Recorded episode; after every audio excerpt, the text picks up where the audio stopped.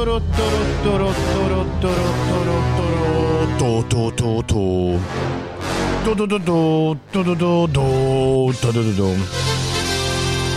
Labu rītu, saka saule. Kāda saule? Sniegs, saka labu rītu. Viens, vienīgs un totāls sniegs. Labu rītu trešdienā. Esam visi satikušies trešdienā, 13. janvārī. Šorīt sveiciens Harijam, Airai, Ārijam un Ārim vārdu svētkos. Vismaz Harijs un Aira ir satikti. Māris Briedis arī. Mārim Briedim šodien dzimšanas diena. Gundagai Repšai, rakstniecei, mākslas zinātniecei arī dzimšanas diena. Aktierim Gatim Gāgam daudz laimes. Daudz laimes dzimšanas dienā arī divām brīnišķīgām dāmām, Ievai Liepai un Elīnai Gilnerei. Daudz laimes Orlando Blūmam, Patrikam Dempsijam, Grejamam Makfersonam un Veinam Koinam. Wow! Tas uh, Grejams Makfersons ir kaut kāds ma madnes džeks. Vai tiešām tas pats, kas sagas šaubos, bet varbūt ka jā. Bet uh, Veins Koins, Veins Koins ir uh, manas mīļās grupas Flaming Lips solists cilvēks, kurš milzu piepūstā bumbā staigā pa publiku ik reizi, kad ierodas. Un uh, tajā brīdī, kad es iedomājos par Flaming Lips, man nevis nāk prātā tas esot sags. Paldies, Ulu. Uh, man nevis nāk prātā, uh, jā, brīnišķīgais koncerts no pāris gadus senas Glastonberijas, kur es skatījos Ziemassvētkos, kas bija diezgan episks mans Ziemassvētku moments. Un vispār tas ir episki uzlikt Flaming Lips koncertu. Tad, kad uh, jā, Ziemassvētku zvani un rotājumi un vēl neskas tur uh, skrien pāri. Bet mans, man galvenā Flaming Lips atmiņa vismaz šajā rītā ir atmiņa par Dod 5, kad es prasīju jums visiem ka vajadzētu kaut kādu flaminglīs mums dabūt šī gada, ne bet pērnā gada maratonā. Nu, tajā, kas bija nu pat. Un uh, neviens nebija noziedojis ne par vienu flaminglīpas dziesmu, un tad uh, sliktā meitene bija tā, kur uh, iemeta dažus eiro par šo. Es nezinu, kā viņi to izvēlējās. Man liekas, ka es speciāli priekš dot 5 to biju ierakstījis 2019. gadā mūsu mūzikas sistēmā. Bet uh, šis ir lielisks gabals, ar ko sākt jebko.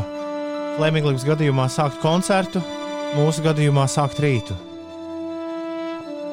Ceļojums pretī balvai Race for the Prize. Ierakstīts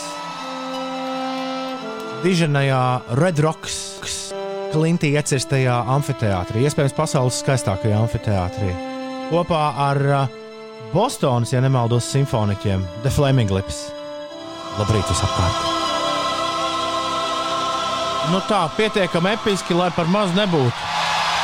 Flaming Lips, Race for the Prize, dzīvajā no Red Rocks amfiteātra. Labrīt, Ulu, labrīt, Ines! Labrīt! Labrīt. Ines Uldis ir pielipinājis šorīt nekā nepaspēšanas uh, mēslu. Es nevaru savādāk to nosaukt kā par mēslu. Kā var, dzīvo... kā var dzīvojot mājās? Kā var dzīvojot mājās? Pūksteni 5 un 21 minūtē pateikt, spēlēju spēli ar laiku, paspēs, nepaspēs. Es spēlēju spēli ar laiku, ja es iznāku no mazmājiņas 5.50. Tad ir labs jautājums, vai es visu paspēju sasprāst tā, lai pūksteni 6. sākas raidījums. Bet kā var spēlēt spēli ar 5.21 izstāstuldi? Nu kā, lai viss paspētu? stāsti. 39 minūtes! Ko tu dari 39 minūtes, lai paspētu būt 6 ēterā? Ieeju dušā, izlasu, labi, nu, aizēju to ieejušā, izmazgāju kaķiem bļodas, ielēju svaigu ūdeni, mazliet noskujos, apģērbjos, uz, ielieku varīties tēju, izžāvēju matus ar fēnu, atšķirībā no, nu, tāpēc, ka tā ātrāk. Tad uh, saģērbjos, uh, izņemu tēju, ieslēdzu datorus. Tā vien ir. Neticami. Kaut ko noteikti no šī visa varētu izdarīt kaut kad citādi. nevis, nevis tajās Jā, bet- 39 dārgajās minūtēs. Bet tad tas nebūtu, tad nebūtu komfortabls rīts. Var jau arī bez dušas, un galu galā es man liekas, ka divreiz kopš pavasara esmu, kopš pagājušā pavasara esmu apakšbiksēs šeit bijis. Bet nu, gribas saģērbties, un lai tas tā, nu, kad pilnībā dienā iekšā. Vislielākais izaicinājums ir nevis augstums, to pat īsti nejūtu šorīt. Es vēl neesmu apģērbis radiatoru, varbūt vienkārši notikumi pārāk strauji attīstījās. Bet uh, vislielākais izaicinājums ir sniegs. Un uh, man savukārt būtu bijis savā minūtēs jāierēķina uh, sniega lāpstas paņemšana. Es pat nezinu, kur viņi stāv. Bet uh, sniega lāpstas paņemšana, jo kaimiņš par to nu, parasti gādā. Bet man būtu bijis jāpaņem šķūrētājs un rīktīgi jāizslauka sev ceļš līdz garāžas studijai. Jo es par rīktīgām kupenām dabūju šorīt bristu. Un tad, kad gandrīz biju aizbrīdis līdz garāžas studijai, tā viss mans ekipējums, gandrīz viss izņemot datoru, kur es nesu līdzi, paņēma un ielidoja sniegā. Jā, lūdzu, izstāsti, kā tas varēja gadīties. Tāpēc, ka man ir rokas, darbs, man, ir, izdarīt. man ir milzīgi, man ir pilnas rokas Līkas ar mantām, rokas. plus. Tu, tu zini, kas tev ir līks? Tev biksēs līks. Interesanti, ka es uh, pamostoties domāju par tikai vienu notikumu sportā, Ines domāju, ka jāpaskatās, kas noticis Nacionālajā hokeja līgā. Tad secināju, ka Nacionālās hokeja līnijas sezona sākusies nevis šonakt, bet uh, sāksies tikai rītnakt. Rītnakt, jā. Uh, īsi pēc pusnakts. Bet man atlika atvērt Premjerlīgas mājaslapu, un tas gan man padarīja, nu pat, un tas gan man padarīja ārkārtīgi priecīgu. Bet es zinu, ka tagad nu, nevis par sportu, bet par laiku pastāstīs. Jā, par laikapstākļiem pēdējās pusotras diennakts laikā daudz vietas zemgale un vidzemē sniega sega kļuvusi par 10 līdz 15 cm biezāka, vietām sasniedzot pat 20 cm dziļumu, tā liecina dati no meteoroloģisko novērojumu stacijām. Visvairāk sniega ir Dobeles, Jūrmalas, Rīgas un Ogres pusē, kā arī valsts galējos austrumos, kur dziļš sniegs saglabājas jau kopš 1. janvāra. Kurzemi klāja vismaz 13 cm bieza sniega kārta, bet vismazāk sniega ir liepājā. Tur ir vidēji 1 cm, lai gan tieši liepājā vakar bija lielākais nokrišņu daudzums. Šajā rītā valsts lielākajā daļā arī turpina sniegt, austrumu un centrālajos novados vietām arī nedaudz puteņo. Latvijā un vidzemes austrumos un kurzemes rietumos nav būtisku nokrišņu, bet dienas laikā sniegšana turpināsies daudz vietā kurzemē un valsts centrālajā daļā Snikšana būs ilgstoša, bet Latvijas austrumos sniks mazāk un tikai pa laikam. Arī vējš kļūs lēnāks, tādēļ mazināsies putināšana. Dienvidu austrumu austrumu vēju brāzmās sasniegs vairs tikai 7 līdz 11 metrus sekundē, un šādos apstākļos autoceļi būs iesniguši rīta pusē, uz tiem var veidoties sniega sanesumi. Redzamība arī brīžiem būs slikta, tādēļ autovadītājiem jāievēro īpaša piesardzība. Gaisa temperatūra plus 1,3 grādi. Sveiciens visiem beidzot ar kārtīgas ziemas iestāšanos, raksta Nauris. Miegs nenāk, jo gaidu rītu, lai varētu pēc darba lekt subarā un spolēt uz talsiem. Nu, uzmanīgi ar to spolēšanu, Nauri, bet gan jau liels puika pats zina visu. Un kas un kā jādara. Sliktā meitene Fleminglis Solis to sveic dzimšanas dienā. Uh, Šonakt viņa pievarējusi 600 km un tūlīt būs pie pirmās adreses, kur pirms diviem gadiem braucu trīs reizes nedēļā. Lai visiem kolosāli šī diena. Paldies, sliktā meitene, lai forša diena arī tev, lai galīgi neslikta diena tev. Un dāvāts raksta, jā, dā, un dāvāts raksta, labrīt, piecīši, sākam garo darba dienu sniega tīrīšanā. Es vakar 14 stundas strādāju. Lai visiem sniega tīrīšanā. teritorija. Tas gan jā, nu, lai visiem sniega tīrītājiem dāvā ieskaitot, ir uh, forša diena. Ir... Es tieši pirms, Jā. pirms līko, līko roku gaitas gribēju tev jautāt, vai jums ir. Bet tu neko citādāk nevarēji pateikt. Tu tik kārīgi pateici rokas, ka instinkts lika pateikt līkas. Jā, Tas tāpat kā domāts... instinkts par biksēm lika pateikt. Jā, jā, tu domāji gan kādu brīdi, ko tur pateikt. Bet, eh, bet nē, nu, nu, mēs taču zinām, ka no failiem rodas radio. Bet uh, es gribēju jautāt, vai, vai tavs uh, kaimiņš dzirdot to, ka tu saki, ka kaimiņš parasti ar sniega tīrīšanu nodarbojas, vai viņš arī zina, ka viņš parasti, nu, ka tas ir viņa? Viņš, viņš to, zina, viņš to zina, bet uh, nu, cik, cik, bie, cik bieži, pagaidi, nu, kādā, kādā sakarā kaimiņam būtu jāceļas piecos kapekām un jātīra man ceļš uz studiju? Nu, Īstenībā nav jau bijis sniega kopš, nu, man liekas, dzīvo šajā dzīves Par vietā. ko ir runa? Nu, tieši tā.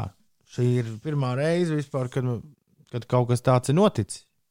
Varētu padomāt, ka mums Kaimiņš jau ir ir no- milzu, milzu ziema katru ziemu. Nu, jā, Jā. bet varētu paro- padomāt, ka tas sniegs tikai šorīt tev uzrādās. Viņš zināja, ka būs sasniedzis. Pa nakti. Te jāceļas agrāk, un jātīra bija pirms nākšanas. Nē, bet es taču stāstu taču bija par māju. Es teicu, ka man pašam tas būtu bijis jādara. Nu, jā, Bet nu. Es par to neiedomājos. Es nekad neesmu Jā. bijis nevienā citā ziemā situācijā, kad man ir jābrien, jābrien cauri pagalmam uz uh, garāžas studiju. Par to bija stāsts. Un tāpēc neapzinoties visus, uh, neapzinoties uh, visus apstākļus, uh, jā, es uh, labu tehnikas daļu šorīt izmērcēju sniegā. Un tas, Linārdi, ir arī mana piktuma galvenais pamats. Nu, otrs piktuma pamats ir tas, ka ārprātīgi nāk miegs, bet nu, par šiem 150 gadiem rīta radio pie tā jau gan vajadzēja pierast. Ich liebe unter Lieben Sie Istein Morgen uh, Schwaden Raden. Labrīt, 6 un 26. Ramstein un Deutschland. Tavā rītradio. Tavs rītradio ar Latvijas radio 5, 5 LV, ko tu klausies šobrīd. Toms Grēviņš, Ines Puček un Ulds Ziediņš. Ir nevis studijā, bet uh, katrs savās mājās. Jā. Varētu sākt strīdēties, kuram kaut kas līdzīgāks studijai ir priekšā. Inesē pavisam noteikti nē, jo mēs esam pieraduši strādāt lielā gaismā, bet Ines šorīt ir nolēmusi strādāt pilnīgā tumsā. Vai, es tagad tevi nedzirdu? Tagad es tevi ļoti labi dzirdu, sāc vēlreiz runāt. Nē, kāpēc pilnīgā tumsā? Man te ir tāda gaismiņu virtenīte zem loga, ir atvērts lokus, ir vēl visādi mazi apgaismojumi. Es domāju, ka šodien varētu neslēgt lielo gaismu iekšā. Nu, jo ir kā tā? gan gaišs telpā. Ārā ir tik ļoti sasniedzis. Es redzu pretējās mājas jumts, kas ir viss pilnīgi balts, un, un zeme arī ir balta, un tur tās laternas viss atstarojās, un ir tik gaišs, ka es nevarēju pa nakti gandrīz gulēt. O, Es biju aizmirsis aizvērt uh, žalūzijas šajā telpā un arī durvis. Un tāpēc uh, guļam istabā nāca iekšā tāda dīvaina gaisma. No sākuma man likās, ka es esmu aizmirsis kaut ko izslēgt šeit. Bet nē, tas īstenībā nāca no āras. šī ir tā slavenā Stanley Kubrika spīdēšana. Tu esi redzējusi Shining filmu ar Džeku Nikolsonu? Nē, Tur arī viss sasniega. Un Un, un, tā tik, un, tā tik, un tā tik sākas. Nu, Tur ne tikai, tur tiesa ne tikai sniegs spīd, tur vēl viss kaut kas spīd un saspīd Džekā Nikolsonā iekšā. Un tad viņš ar sniega lāpstu gandrīz sacērt tur visus gabalu gabalos. Uh, Jāstras, Tādu filmu es negribu skatīties. jāstras gabals. Tomēr kino klasika. Uh, jā. Vakar Raimondam Paulam bija dzimšanas diena. Uldī, kā nosvinējāt? Nu, vareni. Cikos bija mājās? Mājās bija diezgan laicīgi, jo nu, es nezinu, kāpēc cilvēki tik ļoti sacepās par to tiešraidi vai netiešraidi, bet nu, tās tiešraides mūsdienās reti, kad ir pilnīgi perfekts tiešraides. Nu, man liekas, ka lielākā daļa lielo pasākumu Mēs esam izņemo- katru rītu tiešraidē. Pilnīgi precīzi. Tas, kas mēs notiek, tas notiek. Tad, kad dod pieci bija televīzijā, dod pieci bija tiešraidē. Bet tu piekrīti, ka šobrīd viss nu, lielā, nu, faktiski īstas TV tiešraides ir ļoti reti. Viss ir neliela nobīde. Nu, vairāk vai mazāk. Tā var kaut kādā veidā to pasākumu jau kaidīt, nu, kaut kādā laikā, nu, saproties, jēdzīgā izteiksmē ielikt. Jo savādāk tas tie dzīvē pasākumi viņi ļoti ātri aizplūst. Tur plus mīnus uh, minūtes desmit, minūtes šurp, minūtes desmit, minūtes šurp. Tur Tas ir viens, un otrkārt ir ļoti viegli. Es ne, nu, jā, ļoti viegli salikt kaut kādas tur, nezinu, reklāmas pauzes, jo ir redz, televīzijas, kurām ir reklāmas pauzes vēl, un tad ir, uh, ir šādas tādas lietas, ko laikam vajag izgriezt ārā, nu, tur, kur kaut kas vienkārši apstājas vai pārāk ilgi. Un, nu, lai tas viss notiek veiklāk. Tāpēc es vakar biju mājās jau brīdī, kad vēl skanēja RTV. Raimonda Pauli jubilejas koncerts tiešādi, kā tas bija skaļi pausts. ekrāna stūrītī. Jā, un par to man daži cilvēki arī internetā ļoti jautāja, kā, kā es varu rakstīt internetā, ja tur ir tiešraidi. Nu, labi, teiksim, gandrīz tiešraidi. Bet uh, ne, koncerts bija ļoti jauks, un Maestro bija priecīgs, un viņam tur sadāvināja plates, un neži, redzējis, cik viņam uzdāvinās plašs atskaņotājs.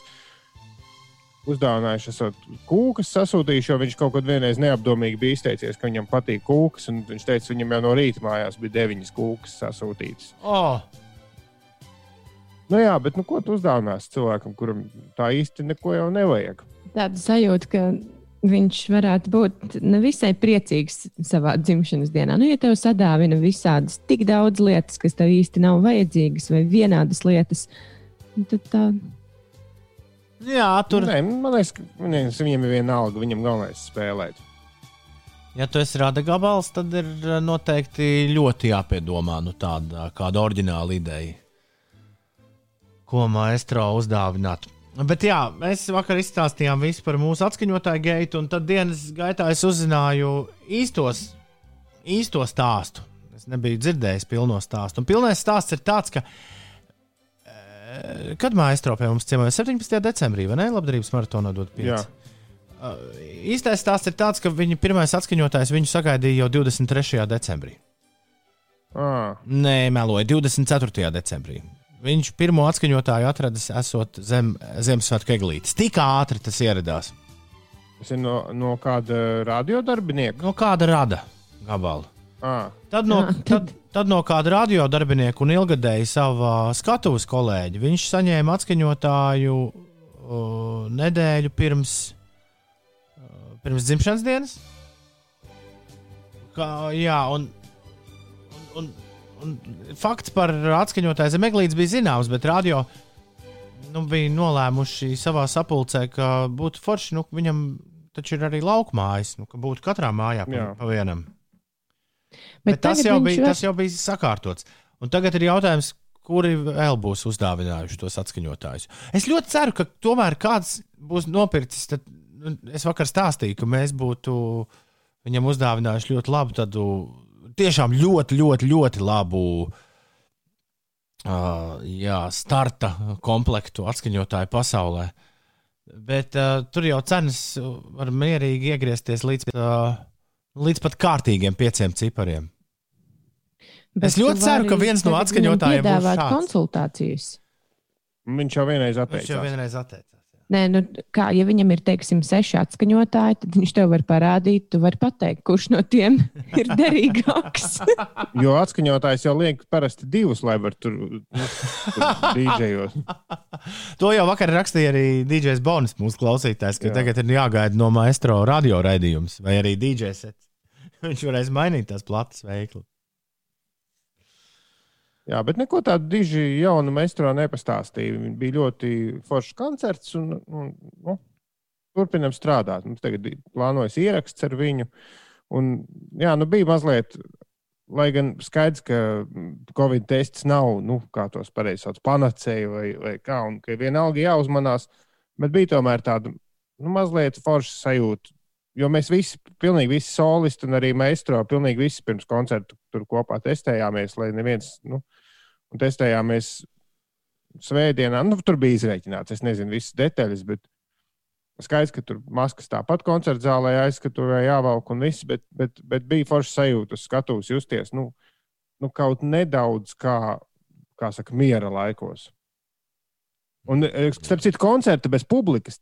eh, Tīri tehniski ir ļoti stulbi, ka pēc skaņdarbiem nav aplausa un, un nav tās sajūtas. Un jums vajag īsti- tāpat kā hokeja, jums vajag ierakstīt, nu, tā lai kāds laiž. Nu, jā, bet tas ir Iesaka šito nākamreiz. nu, tie konservētie aplausi, nav, nu, tas nav tas. Nu, tas varbūt publikai radītu kaut kādu sajūtu. Bet Mēs jau tur paši aplaudējām, lai, lai vismaz televīzijā kaut kā izklausās. Tādā ziņā bija ok, bet, bet uh, pilnīgs klusums vai ierakstīti aplausi nav nekāda sta- starpība. Jo aplausi par konkrētu skaņdarbu, nu, tu zini, ka ir sanācis kaut kas īpaši labs, un tad arī tie aplausi ir īpaši citādāk. Nu, aplausi atšķiras vienmēr vien no otriem. Nav nekad tā, ka viss ir vienādi. Bet eh, tā pietrūks. Bet koncerti vispār bez publikas tehniski ir šausmīgi ērta padarīšana. Jo nav, jo, īsti, es tiešām tā var, tieši vakar pieķēru sev pie domas, eh, tā varētu būt vienmēr, jo nav vairs tāda nekāda, ka tu nevari iet uz skatuves, tur jau ir publika. Mierīgi vēl bez desmit minūtes pirms uh, sākuma iziet cauri skatu vai visu pārbaudu, aiziet tur kaut kur nogrimēties. Piecas minūtes pirms koncerta sākuma trompetists laistās kaut kur skatuves aizmugurē. Tad vienā brīdī pasakā, tā, pēc minūtes sākam, Visi apsēžas un mierīgi sāk spēlēt. Nav nekāda tā, tās uziešanas, un tas viss ārkārtīgi mierīga atmosfēra. Vakar par godu Raimonda Paula 85 gadu jubilejai. Sadarbībā, tādā kārtīgā sadarbībā ar Latvijas Radio 2, jo viņi ir atbildīgi par uh, saturu šajā kanālā. Mēs palaidām jaunu interneta kanālu, kur sauc uh, Maestro Radio. To var dabūt rokā, ja ieraksta maestro 5 LV pārlūkā. Un es vakar to nedaudz paklausījos, un tajā izdzirdēju dziesmu, ar kuru mēs turpinām 6,36. Par to man ir viens kārtīgs jautājums, bet vispirms, lai Žoržs Siksnis nodzied savu dziedamu. Es esmu tāds kā Elles skaists. Pau, pau! Pat ja paņem oficiālus maestro kompaktdiskus, figurē abi nosaukumi. Gan šai dziesmai, gan Genoveva, gan ar Džu ģirts, ja, tāda Genoveva. Ja ieraksta Genoveva Google, 8,5 miljonu rezultātu tiek piedāvāti. Ja ieraksta Genoveva ar G, tad eh, tiek piedāvāti 22,5 miljonu rezultātu. Wow! Bet kā ir patiesībā? Šis ir jautājums, par ko es vakar aizdomājos, klausoties eh, šo dziesmu. Visu bērnību Genoveva bija Genoveva. Un tad vienreiz kāds pateica, bet patiesībā ir ģenovēva. Un tad nav, kopš, nav ģenovēva. Kopš tā brīža visu laiku es dzirdu, ka viņš dzied ar ģi. Nu, to cieto G ir grūti tā izdziedāt. Genovēva, genovēva. Jo pašā sākumā viņam tas izdodas. Pirmajā, pirmajā rindās ieklausies. Viņš malā reiz ēda avenes. Genovēva savā nodabā. Nu, tā nav nekāds ģi. Tā ir izteikta uh, Genoveva. Bet tad, kad aiziet piedziedājums, aizgāja pa kalnu saulītē. Mm, Tāds, kuru čēli projām var. nu, rekord. Paskatījās, Genoveva, Genoveva. vai esmu es tik nelabā. Ines, ko tu dzirdi? Genoveva vai Genoveva? Padodies, Genoveva. Ģe, Genoveva. Bet, uh, Nu, re, kur ir bet rakstīts, Es līdz šim nekad nebiju domājis, ka šo, šo dziesmu dzied ar ģi. Nē, bet eh, ir, eksistē arī oficiāli kompaktdiski, uz kuriem kuros ir rakstīts, šī dziesma ir nosaukta kā Ge- Genoveva. Arī Latvijas radio, tad, kad es strādāju pie Rēmonda Paula radiostacijas, arī Latvijas radio divi sistēmā šī dziesma saucās ar G. Un es tomēr nolēmu to pārkristīt uh, mūsu sistēmā par G. es atradu kaut kādā rakstā, ka figurē nu, daudzi vairāki tie nosaukumi. Un oficiālajā albumā esot tomēr ar G bez G. Tā mums arī Mums jāpaliek. ir jādara. Jā, šis ir laikam viens no tiem jautājumiem, par ku- kur pareizāk atbildi ir pilnīgi vienalga. Bet nu, mēs varam. Es atradu tikmēr interesanti, ka šī dziesma esot izgāzusies aptaujā. Jo nu, mikrofona aptaujā mēs esam rakstījuši dziesmas vai nu speciāli, vai arī tāpēc, ka ir populāras cilvēku vidū. Bet tur taču tikai vienu laiku bija Paula dziesmas. Nu, tā nu gan nebija.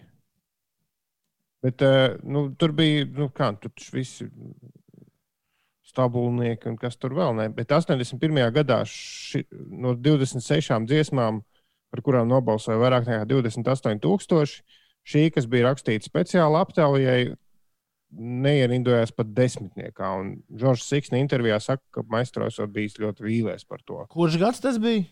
81. Bet viņam dāvāja māriņu uzvarēt tajā gadā. Nu, jā, bet speciāli rakstītā dziesma, redz. Jā, 5 no 20. Nē, 5 no 15 dziesmām bija 81. gadā Paula dziesmas mikrofona aptaujā. Nu, tāds kārtīgs 30% monopols tomēr bija. Ir uh, 6,44 minūtes pareizais laiks. Labrīt! Inesē! Glory, glory, man united! Glory, glory, man united! futbolu tu vari stāstīt pats. Mm. Es izstāstīšu par citiem sporta veidiem. Mm. Latvijas biatlonisti Andrejs Rasturgojevs, Mm. Edgars Mise un Aleksandrs Patrijuks šodien pasaules kausa sastajā posmā Oberhofā aizvadīs sprinta sacensības. 10 kil km sprinta sacensības sāksies pulksten 3.30 pēcpusdienā pēc Latvijas laika, un tās varēs arī skatīties Latvijas televīzijas 7. kanālā. KHL vienība Rīgas dīnāmo vakar četru mājas spēļu sēriju noslēdza ar eh, sagrāvi cīņā pret rietumu grupas līderu vienību Maskavas CSK. Dīnāmo uh, zaudēja CSK ar rezultātu 1-7. Un divu zaudējumu sēriju Nacionālajā basketbola asociācijā pārtrauca Rodiona Kuruts pārstāvētā Brooklynas Nets vienība, kas Latvijam šoreiz nedodoties laukumā, mājas mačā pret Denveras Nuggets otrajā puslaikā atspēlēja 18 punktu deficītu un izcīnīja uzvaru ar rezultātu 122 pret 116. Un Tu vari Tom izstāstīt par savu futbolu, ja tev ir liela gribēšana. Tu taču esi tā, kas parasti stāsta šādas lietas. Nu, Nu, vismaz tādā, tādā normālā valodā. United ar rezultātu 0-1 apspēlēja. Es nezinu, kā pareizi izrunāt šīs Burnley. Burnley, Burnley, Burnley, Burnley, jā. Un Tas, pēc, laikam, ir- un pēc 17 nospēlētām spēlēm turnīrā no 38. Ar 3 punktu pārsvaru Manchester United ir numur 1! Liverpūlē, jā, viņiem ir 36 punkti, Liverpūlē 33, viņi ir otrie. Un tad Leicester un Everton ar 32. Turpat vien blakām. Hey! Glory, glory, man united! Glory, glory, man united! Glory, glory, man united! As the Reds go marching! Ah, ah, ah! Nu, un svētdien būs liela reitinga futbolam, jo uh, nu, tā, tā interesantā lieta ir tāda, ka viņiem ar Liverpoolu ir jātiekas šo svētdienu. Un nākamā ir svētdiena, laikam, jāpiemina arī. Spānijas futbola čempionāts. Kāpēc? Nākamais, Tur- pagaidi, es gribēju ātri šo, šo izrunāt, Rūdi. Kāpēc? Es kāpēc Viņiem ir vēl ne- divas tikšanās pēc kārtas. uh, Man liekas, divu nedēļu laikā vai vienas nedēļas laikā. Es nezinu, kāpēc. Nē, tu kaut ko jauc. Nē, ne Premjerlīgas izskatā. Nē, viņi nu pat spēlēja. Viņi nu pat spēlēja kaut kādā kausā, bet tas tā nav Nu, jā, tas Premjerlīga. F, FC kaps. Šī nu, jau- katrā ziņā viņi, šī jau būs otrā. Liverpoolu tiekas divas reizes pēc kārtas. Šī jau būs otrā reize. Un tajā iepriekšējā reizē, kad viņi satikās, tā tad, kad tas bija, nu pat. Tāda es neatceros. Es tagad nevaru sameklēt, kas bija. Kas ir Spānijā noticis? Ines? Nē, nu kā, ja mēs pieminam Anglijas Premjerlīgu, tad jau droši vien arī Spānijas futbola čempionāta rezultāti ir jāpastāsta. Jā, jā, droši vien. Laikam visvērā ņemamākā ir pirmās kārtas spēle starp Madrides Atletico un Sevilla. Seviljas eh, vienība, kuru uzvarēja Atletico komanda ar rezultātu 2-0. Jā. Tas viss no manis. Tur ir uh, Spānijā. Tur ir interesanti, kā tur, tur jau ir visi, visi bagātie puikas spēlē. Nu, Messi un Ronaldo. Tur uh, interesanti tabulā, kā, kā šiem ietika pa laikam. Bet, uh, bet pabeidzot par šo, tā spēle nes kāpēc. Viņai bija jānotiek, uh, viņai bija jānotiek, nē, viņai ir, viņai ir jānotiek 23. janvārī, bet ir uzrakstīts, ka viņa nenotiks. FA kausa 4. spēļu kārta. Pirmā tikšanās tomēr būs uh, šo svētdienu, 18.30 pēc Latvijas laika, Liverpool pret Manchester United. Un, un United jau būs sešu punktu o, pārsvars pret Liverpoolu, ja viņi uzvarēs. Tā kā Rāda, kas piecos būšot 23. rāda, ka nenotiks man. DBD. Tāda būtu post- DBD. Tā tad postponed. Ah. bija disklo. Nu, nu, jā. Seši Tas ir par la... labi, nav svarīgi. ko? Kas? Nē, tas ir par, la... par spēles laiku, kad tas tiks vēl paziņots. 6 un 49. Var, varbūt arī tā. Varbūt arī tā. Gal galā neviens no mums nav FA ka- kausa speciālists. Šobrīd mēs strīdamies par kaut ko, ko mēs īsti nejēdzam. Viens no iemesliem, kāpēc mēs vairs katru rītu, kā agrāk, nerunājam par sportu, ir tas, ka mēs nu, putrojamies. Un es, es pirmkārt nu, to ņemu uz sevi, jā, putrojos tā kā, tā kā kārtīgs putras katls. Tāpat es to arī jau sadarīju šodien. Uh, paldies, ka ir vadinieks pie radioaparāta, kurš uh, palabo, ka Ronaldo loģiski spēlē Itālijā. Nu, skaidrs, viņš Juventusā šobrīd ir. Un uh, katrā spēlē man ir tāds sajūta, ka katrā spēlē kādu bumbu iebīd vārtos. Vairs tik daudz šo kungu, nu, proti, Messi un Ronaldo savstarpējās spēles nav iespējams redzēt. Nu Jā, un vēl viens iemesls, kāpēc mēs par sportu nerunājam, ir tas, ka Manchester United tikai nesen sāka beigties. Jā, Ja negāja, tad mēs par to nerunājam. Tad, kad precīzi. neveicā, tad to neviens uh, precīzi. Vai to tu, tu, nejautā. tu esi vienīgais cilvēks, kurš ļoti aktīvi par Dienāmo tā teikt, panākumiem pļāpā regulāri nes. Gintinieks, labinieks, tīra ceļus kā kārtībnieks, lai labi ceļi raksta Andris. Ļoti fiksi ir pienācis brīdis, kad jāskan ir laika mašīnai. Laika mašīnā. Laika mašīnā fiksā šajā rītā. Uh, jā, mēs ceļojam uz 1982. gadu. Silvestris Stalone riktīgi ir izdomājis, ka filmai uh, Rockies numur 3 kā galvenai dziesmas tēmai, mūzikālajai tēmai ir jābūt Queen, Another One Bites the Dust. Un Fredijs Merkūrijs viņam parāda, nu, neslēpsim, burtiski vidējo pirkstu. Tāpēc viņš dodas pie rockeriem, kurus sauc neteikšu kā, un saka, uzrakstiet man filmas tēmu. Eye of the Tiger šorīt. Laika mašīnā. Cik no jums var nosaukt šīs dziesmas izpildītājus, nelietojot šazamu? To mēs tagad pārbaudīsim un laimīgos sūtīsim pie leduskapja. Ulda neko nevar paspēt lāst. Šorīt ir vienkārši fantastisks. Kā es šādi varēju pārreķināties? Laika mašīnai laiks ir beidzies. Cauri. Šis būs tas gadījums, kad mēs to tomēr mēģināsim palaist vēlreiz pēc maz mirklīša. Bet šobrīd pareizais laiks ir 7 no rīta. Igaunijas premjerministrs Irija Ratas paziņoja par atkāpšanos no amata. ir uh, trešdienas rīts. Uh, Šodien turpinās lielais sniegs, bet tas viss beigsies. Tas viss tūlīt beigsies. Un jautājums ir tikai, cik pagūs vīri savest to sniegu prom un cik pagūs cilvēki visu satīrīt. Jo sniegs nepazudīs vēl kādu nedēļu. Šis viss, kas ir sasniedzis, visi tie sniega vīri, kas ir sataisīti, tie stāvēs un būs kopā ar mums veselu nedēļu, jo tūlīt sāksies lielie mīnusi. Un sniegs, uh, viņš nekur nevar vienkārši tā paņemt un izgaist. jā, piekdienai plāns ir mīnus 9 grādi. Sestdienai plāns Latvijas galvaspilsētā ir mīnus 11 grādi, un tad sākot no svētdienas mīnus 8 grādiem lēnām sākšot atkāpties. Un tāda ir tā garākā laika prognoze, ko pagaidām mēs redzam par to, kas un kā varētu notikt jau tuvākajā laikā. Bet pagaidām ir 7 minūtes pāri pusdienas septiņiem. Ir vēl tikai trešdien, 13. janvārs. Turpinās sniegs, un Rīgā šodien būs precīzi apaļi 0 grādi. Un ar šo mums tagad jāsadzīvo. Protams, visiem, kas ir Rīgā, sveiciens arī visiem, kas mūs klausās kaut kur citur. Es vienkārši tajā laika prognozē ieskatījos, jo visai drīz man nulli un Ines atkal ir jāveic ceļš pāris kupenām uz, uz rīta tēju.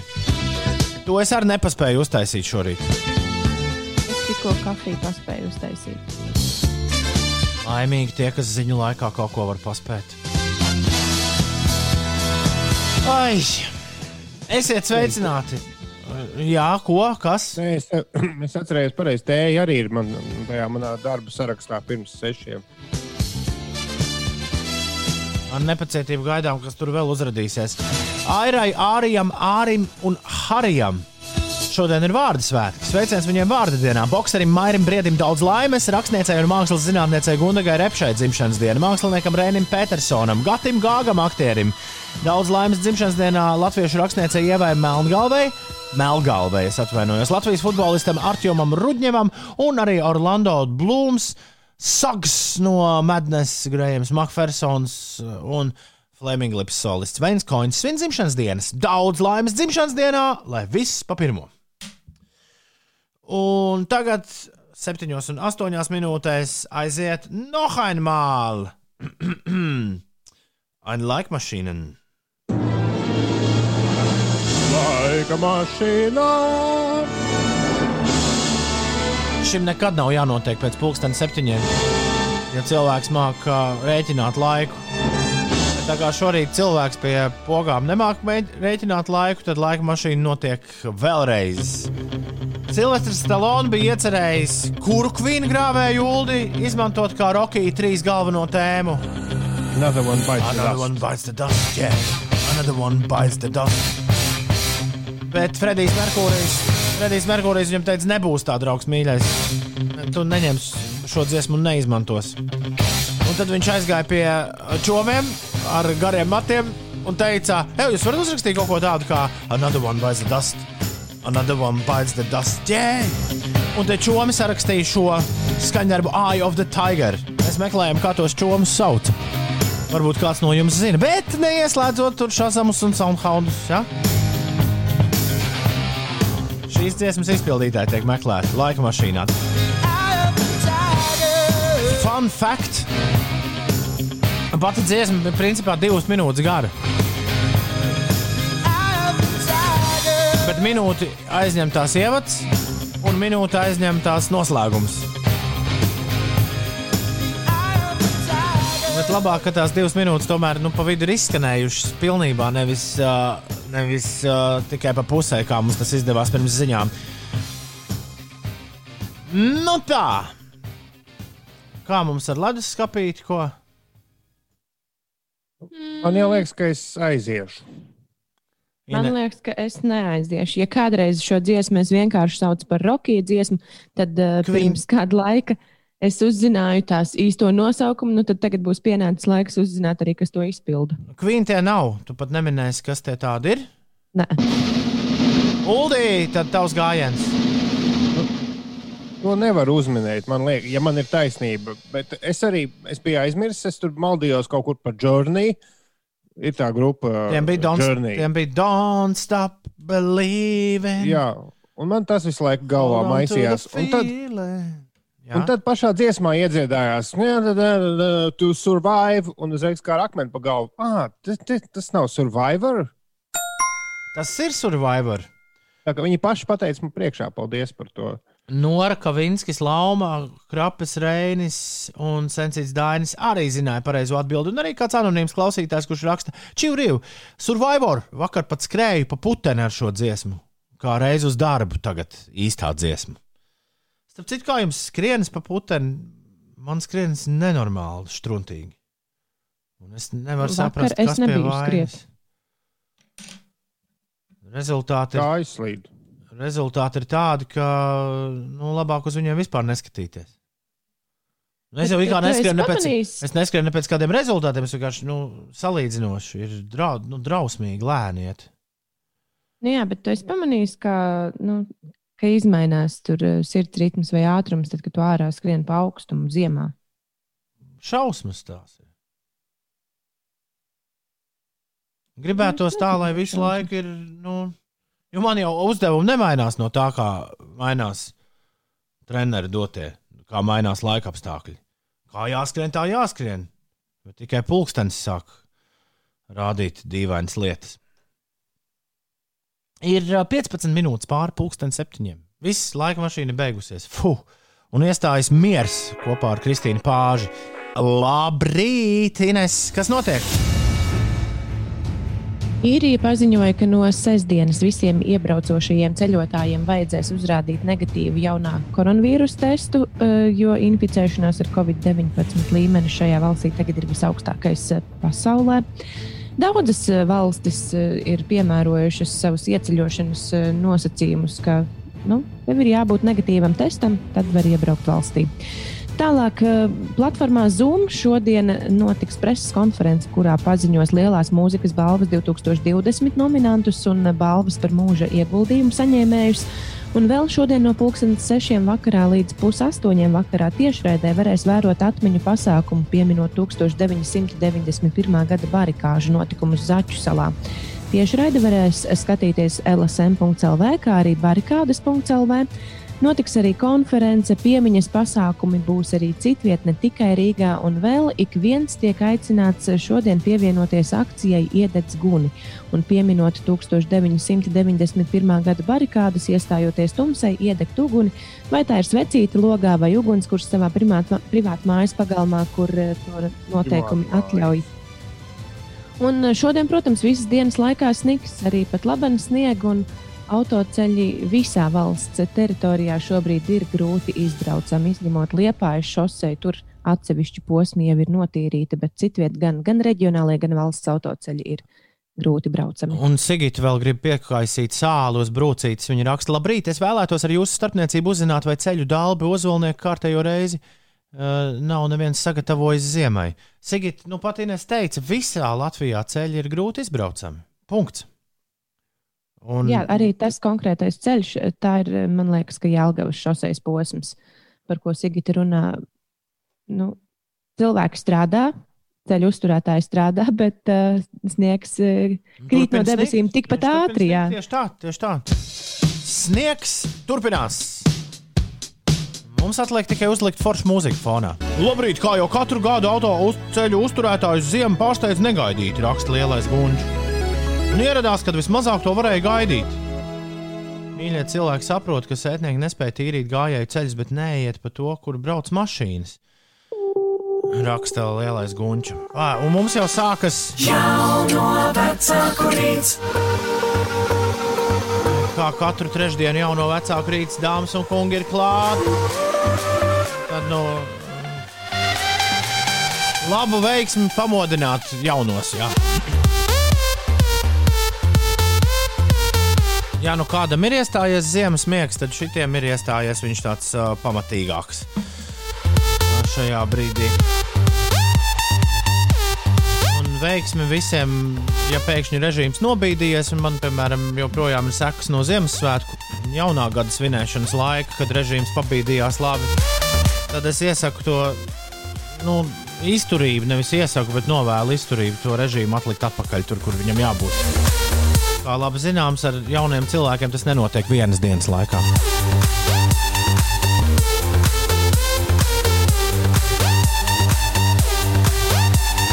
Pa, pa, pa, pa, pa, pa, pa, pa, pa, pa, pa.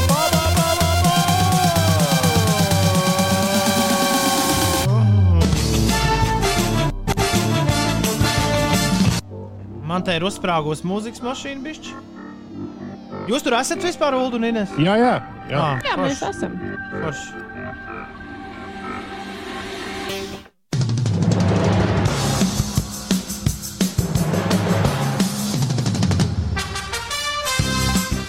Ja jums nepajautā, jūs tur esat, tad nevar īsti saprast, vai jūs tur esat. Ne, nu, ko tad mums teikt? Tu jau esi vienīgais no mums trim vecāks. Tā. 2020. pilsonības un migrācijas lietu pārvalde ir apkopojusi 2020. gadā populārākos jaundzimušo vārdus. Vai kāds no jums var uzminēt, kur tie bija? Ines Uldī? No. Es biju jau redzējusi, man liekas, Aha. vienu tvītu, kur vīdēja Olivers un Roberts. Uh, o... Šorīt ziņās teica, bet man šķiet, ka bija pārsteidzoši rezultāti, jo Roberts un Sofija nebija populārākie. Roberts ir palicis trešajā vietā zēniem un Sofija ir otrā. Pa, pa, pa, pa, pa.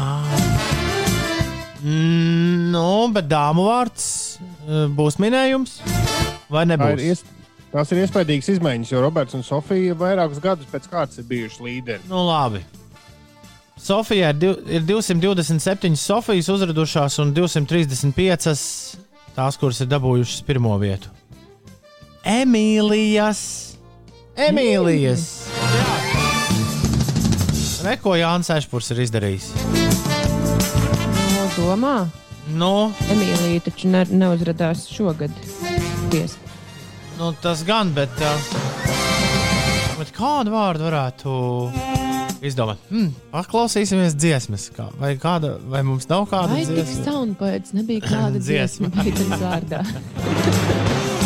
Uzreiz nosauc vēl kādus no šiem vārdiem, vēl kādu dziesmu, kurā ir minēts kāds vārds. Bet labi, uh, Emīlija. tātad- Emīlija ir ļoti foršs vārds, jo Emīlija ir vārdienā vienīgā 22. maijā, tad, kad ir arī kalendārā neierakstīto vārdu vārdienu.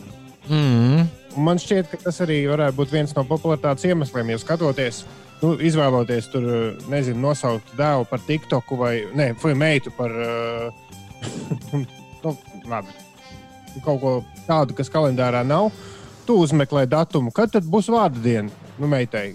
Ja ieliks tādu vārdu, kas kalendārā nav, skaties, jau rekur Emīlija tur ir. Varbūt labāk to, nu, labi. Loģiski, ka šī rīta jauno vecāku rīts ir domāts visiem tiem, kuriem vēl tikai būs, jā, kur, kuriem šobrīd ir tā domāšana. Nu, tas izvēles laiks, kādu vārdu nu likt. Uh, tā, Emīlijai un Sofijai tad, tad pirmā vieta, bet vēlreiz tikai astoņas Emīlijas vairāk nekā Sofijas. Un ir tikai astoņas Sofijas vairāk kā Alises. Alises ir trešajā vietā, 219. Principā Emīlija, Sofija un Alise ir pilnīgi vienāds tas cipars. Nu, tur pastaigājis turp, šurp. Uh, Marta, kas ir ceturtā, rīktīgi atpaliek no šīs trijotnes. Um, tālāk tikai 159 Martas jaunas ir nākušas pasaulē. Anna ir piektajā vietā. Sestā ir Amēlija, septītā ir Paula, astotā ir Elza, devītā ir Dārta un desmitā ir Estere. Ja tevi sauc uh, kā kādu no šīm uh, dāmām, tad uh, zini, ka tev būs uh, daudz uh, ja, kompanionas, kuras sauc tieši tāpat kā tevi kaut kad. Kā tu domā, kas ir foršāk? Ja tev ir retāks vārds vai ļoti populārs vārds? Pavisam noteikti, ja, ja tas ir retāks. Bet uh, jums Bet ar Ulu nav. Pilnīgi vienalga. Nē, bet jums ar Ulu nav. Ja, ja tu domā par mediju karjeru, tad labāk, ka tev ir retāks vārds. Bet. Uh, Vai nu retāks, vai es, ka, pilnīgi ju- vienalga? ju- jums nav par šo jāuztraucas, jo Ulu un Ines nestaigās pa, pa zemes virsmu tā daudz nākotnē.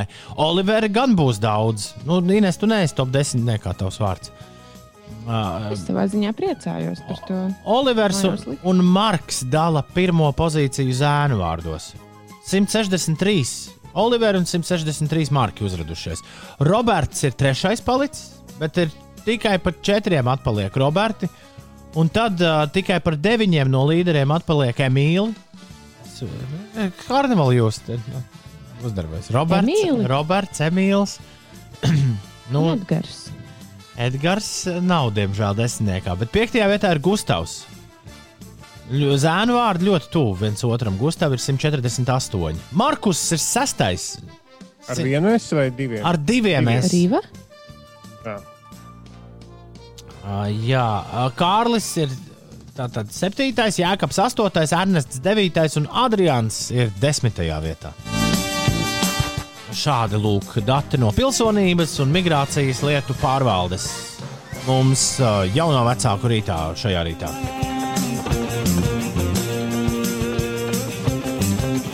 Nauris raksta, ka Neko. vajadzētu par Genovēvu nosaukt kādu meitu.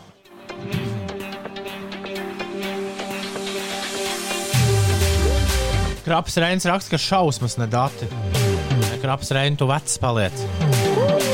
Bet nav tik traki, ir diezgan vecmodīgi tie vārdi. Jā, TikTok un Instagram un, un kas tur tik uh, tie gan nav.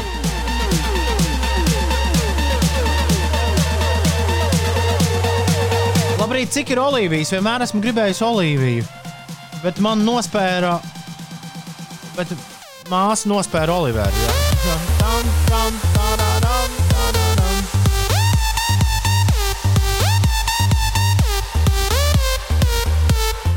vēlreiz. Olīvijas, es nezinu, cik ir.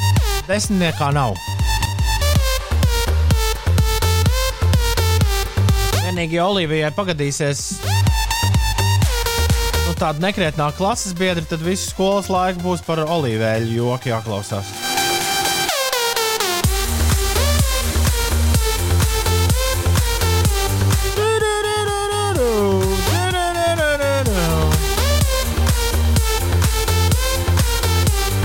Cik interesanti, manu dēlu vārdu Arthurs un Armīns nav populārāko vidū. Super! Lai gan Arthūram bija vēl divi grupas biedri, kurus arī sauc par Arthūru, raksta Linda. Nu, paskat, kā jums noveicās.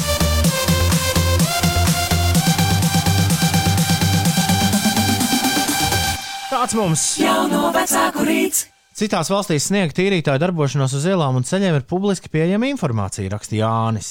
Cilvēki kartē var redzēt, kur atrodas tīrītājs, var redzēt, kur ir notīrīts, nokaisīts un var pārliecināties, kā tiek tērēta nodokļu maksātāja nauda. Bet Ulas un Ines tā vakar stāstīja, ka pie mums ir kaut kas līdzīgs. Jā, es gribēju jautāt, gribēju prasīt tev, kuram tu liks atbildēt. Man vai Uldim? Ne, bet mēs taču vakar runājām par to, ka var kartē ieraudzīt. Jā, nu, ja tā labi ieskatās, tad var ieraudzīt. Ir eh, Latvijas valsts ceļiem mājaslapa, kur ir pieejama informācija vasarā parasti par eh, būvdarbiem uz autoceļiem, kurās vietās ir ceļu remonti. Un eh, ziemā ir braukšanas apstākļu karte ziemā. Tur ir arī vēl citā, citas kartes par melnajiem punktiem un, un nu, tāda, tā, visādām citām lietām. Bet jā, pie mums arī to var redzēt. Jo tur ir redzama visa tehnika, kur ir greideri, kur ir ceļu kaisītāji, kur ir ceļu tīrītāji šobrīd. Un man ļoti patīk tās webkameriņas, kas ir uz visiem lielajiem ceļiem. Var apskatīties, kā tas ceļš izskatās tieši nu, tiešraidē šobrīd. Tā Īst- kā ir. Ja mūs dzird šobrīd Latvijas valsts ceļi, tad uh, nu, tā mājaslapa ir diezgan izla telefonā lietošanai, jo tas viņu ārkārtīgi asprātīgi izdomātais uh, karšu atvēršanas veids ir diezgan nērts. Nu, arī datorā es teikšu, ka nav baigi vērti. Bet, nu, Jā, tas nesen nomainījās. kāds izdomāja, ka vajag tā stilīgi, bet nu, nav sanācis sērtāk. Bet uh, citādi ļoti forša karte.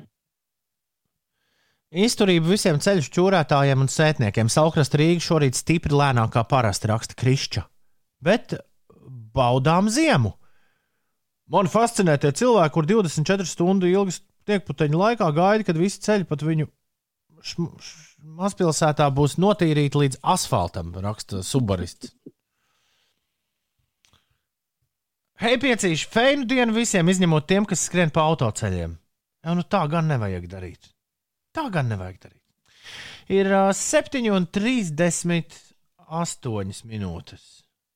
Kur tad lai tie cilvēki skrien, ja viņiem nav ietves, piemēram, pie mājām? Ko lūdzu? Nu, es saprotu, ka runa bija par tiem cilvēkiem, kas skrien. Vai, vai tas Pa ir autoceļiem. nozīmē? Pa autoceļiem skrien. Ar mašīnām skrien. Nu, bet, protams. Tā tu to domāji. Nu, bet, protams. Jā, es starp citu redzēju arī nesen tvītu, kur kāds uh, bija rakstījis, ka uh, visi tie, kas ziemā pēkšņi 70 km vietā sāk braukt uz 50, tad palieciet vispār mājās. Bet kā tu vari vainot cilvēku, kurš uh, uztraucas par savu veselību un drošību? Vai ne? O, mūsu trombonists rīt raidījumā saka, ka uh, labāk esot pilnīgi vienalga, vai dod populāru vai dod uh, nepopulāru vārdu. Bet, uh, ja dod populāru vārdu, tad var gadīties kā Ivetai uh, bērnam. Kad uh, Iveta gāja skolā un Ivetas bija modē, bija četras Ivetas, katrai iedeva pa iesaukai. Bija traki, jo, bija, tik, nu, jo bija tikai desmit meitenes klasē, nu, un vispār tikai desmit meiteņu klase Ivetai. Mums ģimenē ir dēls un meita Olivers un Olivija. Raksta Smārds Mārtiņš. Izvēlējāmies, jo ļoti patika šie vārdi. Nevis tāpēc, ka populāri. Citiem arī ļoti patika šis dots. Nu, re. Kāds ir šokā, ka Jānis nav top desmitniekā starp populārākajiem mm, bērnu Ui, vārdiem. kur tie gadi jau? Vai te ir Inesēji par uh, braukšanu sarakstījuši vīri visādus Par to, ka ceļš komentārus? no mācību poligons un tādā garā. Nu, jā, bet ir- tiem cilvēkiem arī ir jātiek uz darbu. Tad pašā laikā, nu, ja tev ir jāsteidzas, tad tā jau ir tava problēma, nevis citu problēma. Bez tam man liekas, ka tomēr uz uh, ceļa labāk ir būt piesardzīgam nekā pārgalvīgam. Es vakar braucu no Jūrmālas. Bija, braucama bija tikai viena, nu, tāda ļoti nosacīta viena josla, kuru brīžiem arī pazuda. Un, uh, manuprāt, drošs braukšanas ātrums bija 70. Un tas, kurš man aiz muguras, nu, es, es, protams, palaidu garām vienā brīdī, kad viens bija ļoti nepacietīgs un tuvojās pavisam strauji. Kaut kāds apvidus auto, es, es kaut kādā veidā iemīcījos tajā aizputinātajā vidējā joslā un palaidu garām. Bet, bet drošs braukšanas ātrums pēc manām domām bija 70. Un es tā arī braucu. Nevienam netraucēju, izņemot to vienu skrējēju. Un, nu, Ejiet, jūs ieskaities, ja kāds saka, ka tas nav drošs braukšanas ātrums vai tā ir agresīva braukšana. Bet tiešām nebija tīrs ceļš. 7,44 sveicieni visiem no Raimonda un Lienas un sveicieni no Ines, kur tagad stāsta, kas notiek. Man liekas, ka es tikko jau stāstīju. Bet labi, es pastāstīšu Es par. eh, par piktu izte- izteicienu. 13. Es datums šodien, par- šodien tā nāk ārā. Jā. sportu labāk.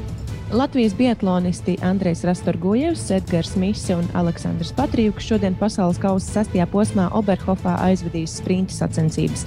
10 km sprinta sacensības sāksies pulksten puses četros pēcpusdienā pēc Latvijas laika, un tās tiešraidē varēs skatīties Latvijas televīzijas 7. kanālā.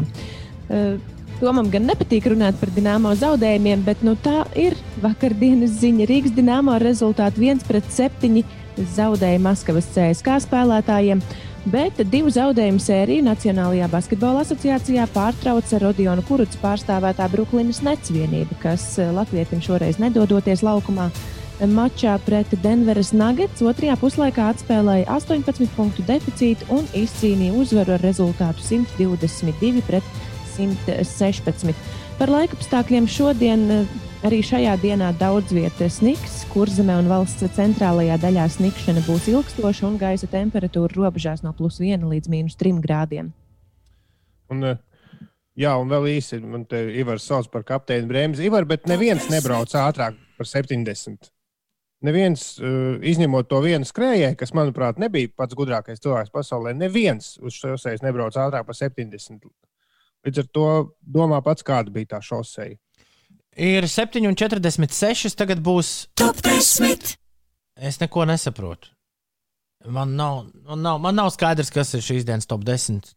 Mikrofons, tu mikrofons, mikrofons jūsu rīcībā. Tas jau vakar bija skaidrs, par ko būs top 10 šodien. Jā, nebija vispār pat divu domu. Uh, Jāatzīst, gan, ka kaut kas līdzīgs mums top 10 senos laikos ir bijis, bet tas bija vēl pirms pandēmijas un pirms brīža, kad iepirkšanās internetā kļuva par mūsu visu dzīves absolūti neatņemamu sastāvdaļu. Ir lietas, ko vienkārši nevar nopirkt. Piemēram, līdz vakardienai pergamentu papīrs nebija pieejams veikalos. Un, un kā mēs dzīvojam bez pergamentu papīra nepilnu mēnesi, es nezinu. Šausmas. Uh, jā.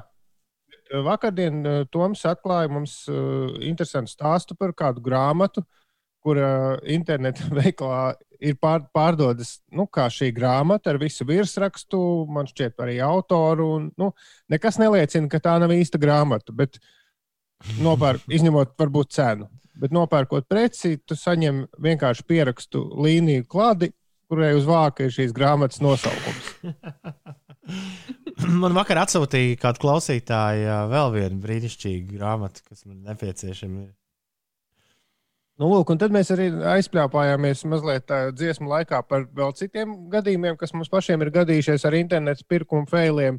Es joprojām ar ļaunu vārdu pieminu tās Blu- Bluetooth austiņas, eh, be, bezvadu austiņas, kuras bija, nu, tad, kad Bluetooth austiņas vēl nebija tik populāras. un Tas bija kaut kas izmetams. Nu, burtiski dažu sekundžu laikā es sapratu, ka šo es nekad vairs nelietošu.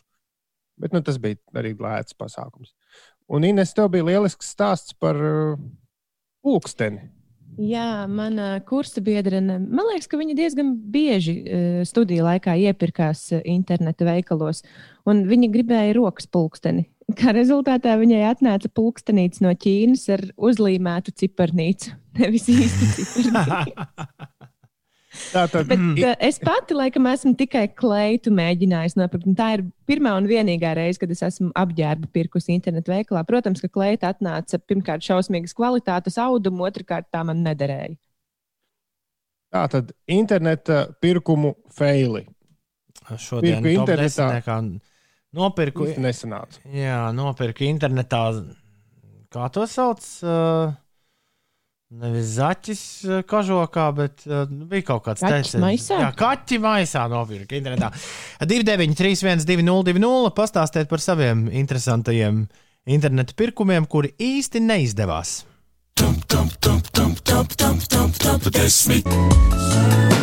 Bija taču tāds politiķis Mits Romnijs, vai ne? Viņš, Jā. viņš mēģināja kandidēt uz ASV prezidenta amatu. Viņš bija kaut kur senators, viņš bija. Ko viņš darīja? Jebkurā gadījumā eh, Rīts Momnīs, mūziķis, nu, smagi atgādina mitu Romniju. Nu, nevar, nevar būt, ka Džeks nav vienkārši apmainījis vārdam un uzvārdam burtus vietām. Bet varbūt tā ir tikai un vienīgi sagadīšanās. Put your record on, nu pat tavā rīta radio 7,56 minūtēs. Labrīt! Šeit pieci rītī. Top 10. Top 10 ir klāta, un šorīt top 10. mēs skaidrojam nu, jautrus pirkumus internetā. Vai drīzāk nesenākušus pirkumus internetā esam jā, apkopojuši, un ar tiem jūs tagad iepazīstināsim. Kas ir numur desmitines? Desmitajā vietā ir Indra, un viņa raksta, ka pasūtot 41. izmēra skriešanas apavus, saņēma 39. izmēra botas.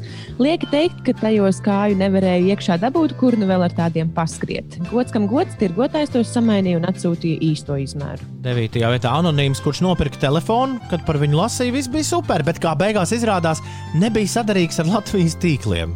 Šito vajag pārbaudīt. Astotajā vietā ir. Uh, viņš raksta, ka esot nopircis reiz dāmai seksīgu medmāsiņas ietērpu. Atnāca dušas halāta. Sarkanā vēl sarkanā krāsā un mistisks medicīnas krusts. Internetam var uzticēt tikai plates un koncertu biļetes. Septītajā vietā māja, kur raksta, labrīt, mans vīrs ir jūrnieks. Tas daļēji attaisno viņa rīcību.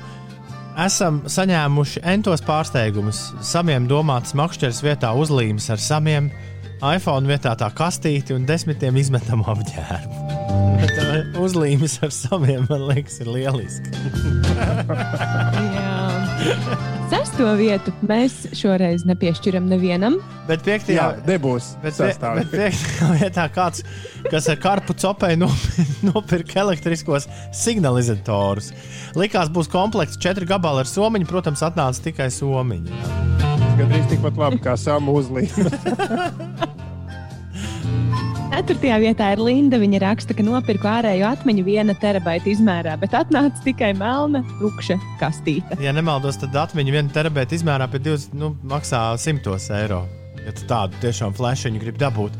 Ivo trešajā vietā viņš saka, māsai atnāca rīktīgs fails. Internetā pasūtīja džemperi, sagaidīja, uzmērīja, no priekšas viss skaisti, bet aizmugurē vācu valodā lieliem burtiem rakstīts: Es pīpēju zāli kopš 12 gadu vecuma. Lūdzu! Otrajā vietā ir Olga. Viņa raksta, tas gan nav mans stāsts, bet kolēģis viņa par visām varītēm izvairās pirkt jebko internetā, jo nevar aptaustīt. Bet tagad atnāca sniegs un augstums, un dēlam vajadzēja zābakus. Pasūtīja, atnāca, taču kastē bija divi kreisie zābaki. Jā, vēl kāds anonīms mums rakstīja par diviem kreisiem zābakiem. Un pirmajā pozīcijā mans vienīgais pirkums internetā nebija nekāds fail. Nopirku smaržas, bet nepaskatījos, ka jādodas pakaļ klātienē. Un tagad ar meiteni, kas man tās izsniedza, nu jau astoņus gadus dzīvoju kopā. Smaržīgi. Vai ku jauks noslēgums šī rīta top desmitniekam. Paldies visiem, kas piedalījās, un paldies, kas Bija portāli. atsūtīja, atsūtīja savus variantus. Top 10. Celies augšā! Uldis vēlējās noprecizēt uh, labdarības maratona dod pieci uh, summu. Jo pavisam drīz, noslēd, pavisam drīz uh, jā, es biju izslēdzis jūs ārā, nes kāpēc nospiedis vienu podziņu. Tagad jūs varat dzirdēt. Ulds gribēja noprecizēt summu, tātad, jo, jo tā ir noprecizēta dot pieci mājaslapā. Parasti tā neviens nedara, bet, bet, bet jā, katru gadu bišķiņi tiek pieziedots, nu vēl vairāk klāt arī pēc tam, kad dot pieci labdarības maratons ir noslēdzies, un tieši tas pats ir noticis arī šogad. Jā, un gala cipars ir uh, 407, 20 eiro un 20 vai 25 centi. Tur arī mazliet informācija par tiem pēdējiem pieciem centiem atšķiras. Bet tas nekas. Tas nekas. Lielas paldies visiem, kas piedalījās labdarības maratonā. Maratonā dod pieci. Šogad uh, pārsvarā, pārsvarā ziedojumi visi notika caur mājaslapu dot 5 LV. Un, uh, un, un, un, un, un jā, mums ir milzīgs prieks par ikvienu, kurš piedalījās. Es domāju, ka tālākās detaļās pagaidām mēs varam arī mierīgi neieslīgt. Kas, Jā, Man, man liekas, interesanti tas, ka apmēram nu, mazliet vairāk kā 10% ir skaidrā naudā. Tas var būt interesanti. Nu, cilvēkiem, kas nes uz vietas, cik, cik liels procents ir uz vietas klātienē, mazliet vairāk par 10% ir.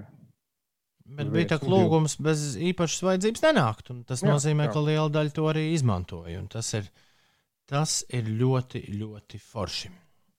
Astoņas minūtes pāri astoņiem diena, tā teikt, ņem un uzņem apgriezienu. Diena ir trešdiena, pats nedēļas vidus.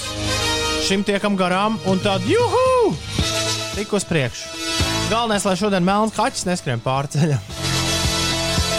Kaut gan tajā sniegotajā skatā tas pat varētu izskatīties tā estētiski. Šodien ir 13. datums, trešdiena, 13. janvārs. Jā. Ja tev tas ir piemirsies, gads tikko sācies, un mēs, ā, un mēs ā, kopā ar gadu mēģinām arī sākties no jauna. Airai, Ārijam, Ārim un Harijam šodien vārdu svētki. Sveiciens bokserim Mairim Briedim dzimšanas dienā, rakstniecei un mākslas zinātniecei Gundagai Repšai dzimšanas diena. Tāpat arī latviešu rakstniecei Ievai Me- Ievai Melgalvai, māksliniekam Rēnim Pēter. Māksliniekam Reinim Petersonam, Latvijas futbolistam Artjumam Rudņevam, aktierim Gatim Gāgam, daudz laimes, angļu aktierim Orlando Blūmam no Madness, Šags, Grājums Makfersons svin dzimšanas dienu, un no Flaming Lips Wayne Coins. Kas ir Patriks Dempsijs? Ko tas spēlē? Dzirdēts ir, bet ziņa man tā uz sitienu tie. jāpasaka. Tam arī šodien dzimšanas diena. Ja, te, ja tu esi Patrika Dempsija fans vai fani, tad uh, neaizmirst Instagramā aizsūtīt viņam arī uh, sveicienu dzimšanas dienā, un lai viss pa pirmo. 9 minūtes pār 8. Greisa anatomija. Grejas anatomija. Jā. Grejas anatomija. Anatomija. Anatomija. At- Anatomija. Kā izrunā angliski? Grejas anatomija. Anatomija. Jauna balss pašmai mūzikā Anna Krista. Mēs ar viņu tiksimies daudz un dikti nākamā nedēļa, bet es jums neko neesmu par to teicis. Bet um, jā, šī dziesma tiks iecelta tramplīnā jaunadēļ. Nezvani vēl Annas Kristas debijas singls, nu pat uh, šeit, piecēlā vēterā. Radiostacijā, kurā mēs spēlējam daudz, daudz uh, svarīgu un ļoti, ļoti jaunu pašmāju mūziku. 8,13. Kā tur palika ar to grejas anatomiju? Aktieris tur spēlē. Anatomija vai anatomija? Anatomija. Anatomija. Es to pateicu, un tad pēkšņi kaut kādā brīdī, nevis kaut kādā brīdī, bet uh, šķita, Man- ka tas nav pareizi. Man, ši, man šī ir pirmā reize, kad es šo vārdu angliski mēģinu teikt, un tāpēc nepareizi liekas abas. Anatomija. Anatomija. Anatomija. Nu, viss skan dīvaini. Ir tādi vārdi, Ja kuriem izlas- skan dīvaini. Ja, ja, ja izlasa to, kā jāizrunā, nu, ko parasti raksta angļu vārdiem, tad anatomija. Tā es to jāsaka. Ana- Anatomija. Anatomija. Tā tas ir latviski un Anatomy. anatomija. Anatomija. Anatomy. Anatomija. Anatomy. Un tra- Man patīk, ka viņi katru reizi lēnāk saka, ja spiež vairāk reizes. Anatomija. Anatomija. Tā kā nesaprati vēl, paklausies. Tā viņi dara. Tā viņi tiešām dara. Uh, sapriecājos, ieraugot latviešu smago. Sliktā meitene mums turpina savus piedzīvojumus no ceļa rakstīt. Nesenāk pārāk bieži satikt latviešus, bet tad no mašīnas izkāpa šoferis netīrām drēbēm, smaku var just pa gabalu. Un sirds sāp, ka šādi šoferi nes Latvijas vārdu pasaulē. Es īsti nezinu, kā mēs tev varam palīdzēt šajā rītā pēc šī stāstīņa. Un uh, Ingūns saka, lai mēs neko nespoilojam par anatomiju. Vai jūs esat redzējuši kaut vienu sēriju no Greja anatomijas? Nē. Es arī nē. Nē. Vai tad ir greja? Nav grejas? Uh, mm, uh, uh, labāk Spoilers, nesākam. La- nespoilojiet. Labāk, ne, labāk nesākam. Baudām ziemas priekus visi kopā, bet prātīgi, galvenais, prātīgi metens un zēni. Mieru, mieru, tikai mieru. Ines, kas notiek? Nu, par tiem ziemas priekiem paturpināšu. Visvairāk sniega ir Dobelas, Jūrmālas, Rīgas un Ogres pusē, kā arī valsts galējos austrumos. Tur dziļš sniegs saglabājas jau kopš 1. janvāra. Savukārt kurzeme klāja vismaz līdz 13 cm bieza sniega sega un tik dziļš sniegs reģistrēts Saldus meteoroloģiskajā stacijā, bet vismazāk sniega ir Liepājā, tur esot vidēji 1 cm. Šodien turpināsies sniegšana. Daudz vietā kurzemē un valsts centrālajā daļā sniegšana būs ilgstoša, bet Latvijas austrumos sniegs mazāk un tikai pa laikam. Arī vējš kļūs lēnāks, un tāpēc arī tā sniegšana mazināsies. Dienvidu austrumu austrumu vēju brāzmās sasniegs vairs tikai 7 līdz 11 metrus sekundē. Šādos apstākļos autoceļi būs piesniguši, un rīta pusē vēl uz tiem var veidoties sniega sanesumi. Gaisa temperatūra plus 1, minus 3 grādi. Arī Rīgā ilgstoši sniks, mērens dienvidu austrumu vējš un gaisa temperatūra 0, minus 1 grāds. Un, jā, kā jau teicu, situācija uz valsts nozīmes un arī reģionāliem autoceļiem ir apgrūtināta.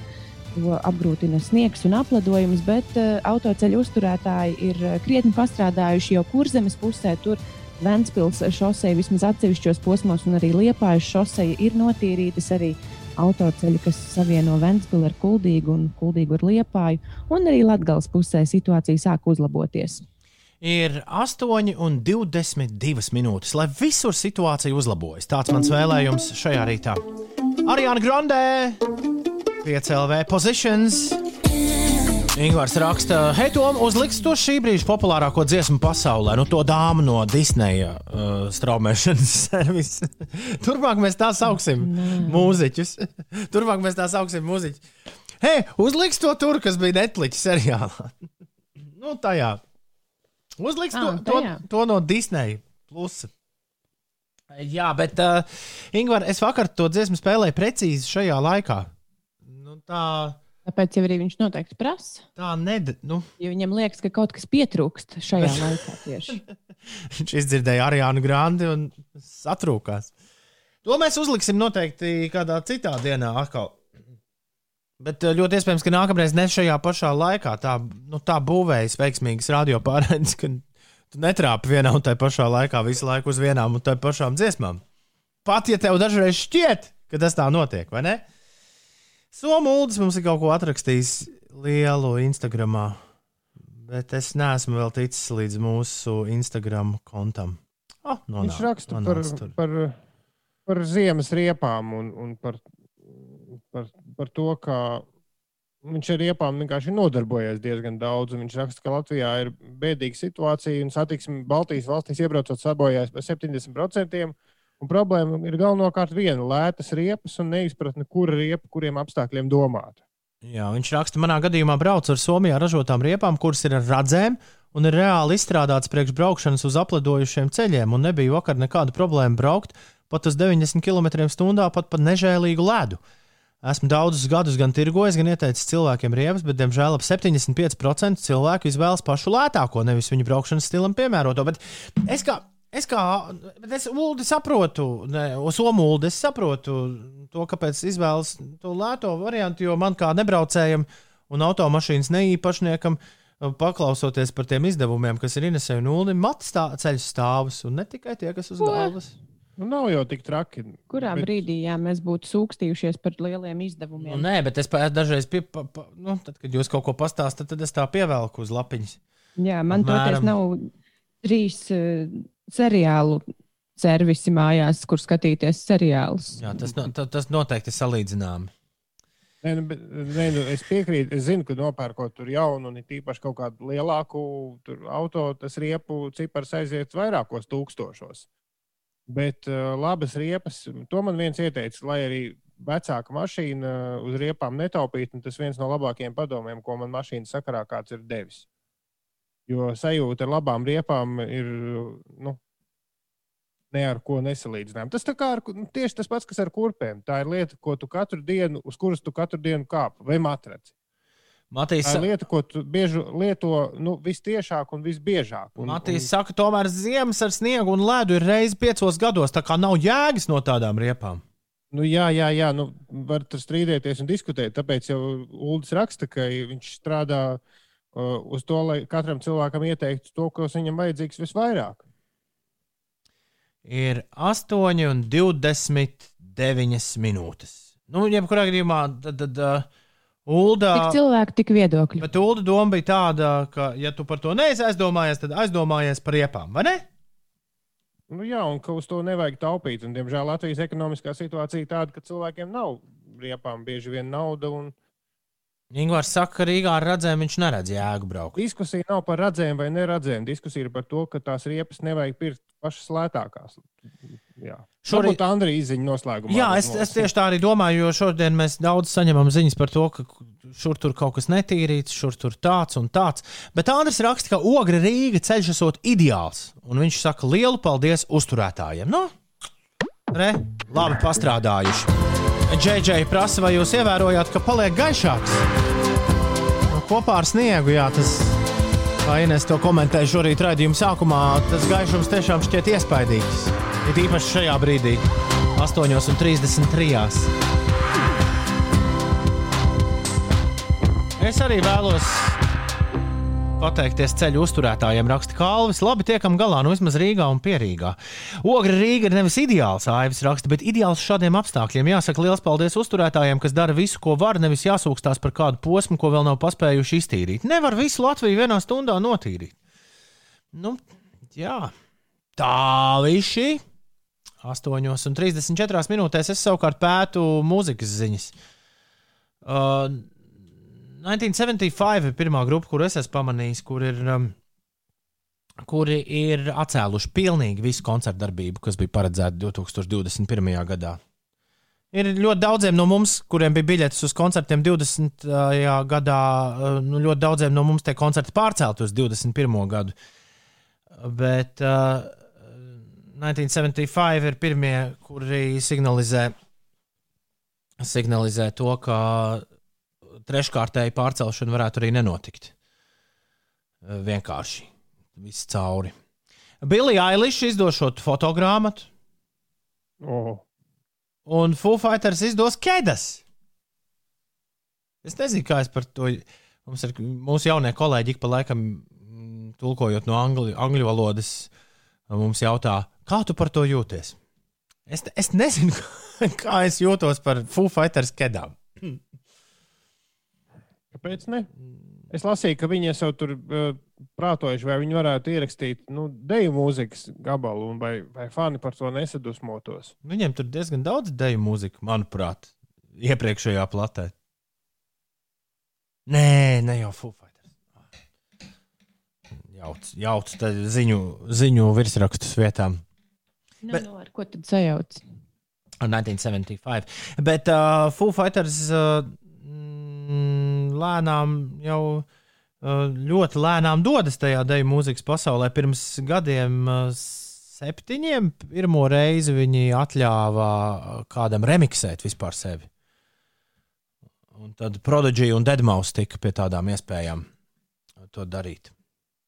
Bet uh, Coldplay šo mēs neesam pieminējuši nereizi. Coldplay pirms uh, iestājās jaunais gads, patiesībā dod pieci laikā tas notika. Uh, Coldplay izlaida jaunu dziesmu, kas patiesībā nemaz nav jauna dziesma. Tā ir dziesma, kas ir bijusi iekļauta viņu uh, 2018. gada, ne, 19. gada albumā Everyday Life, kā bonus dziesma.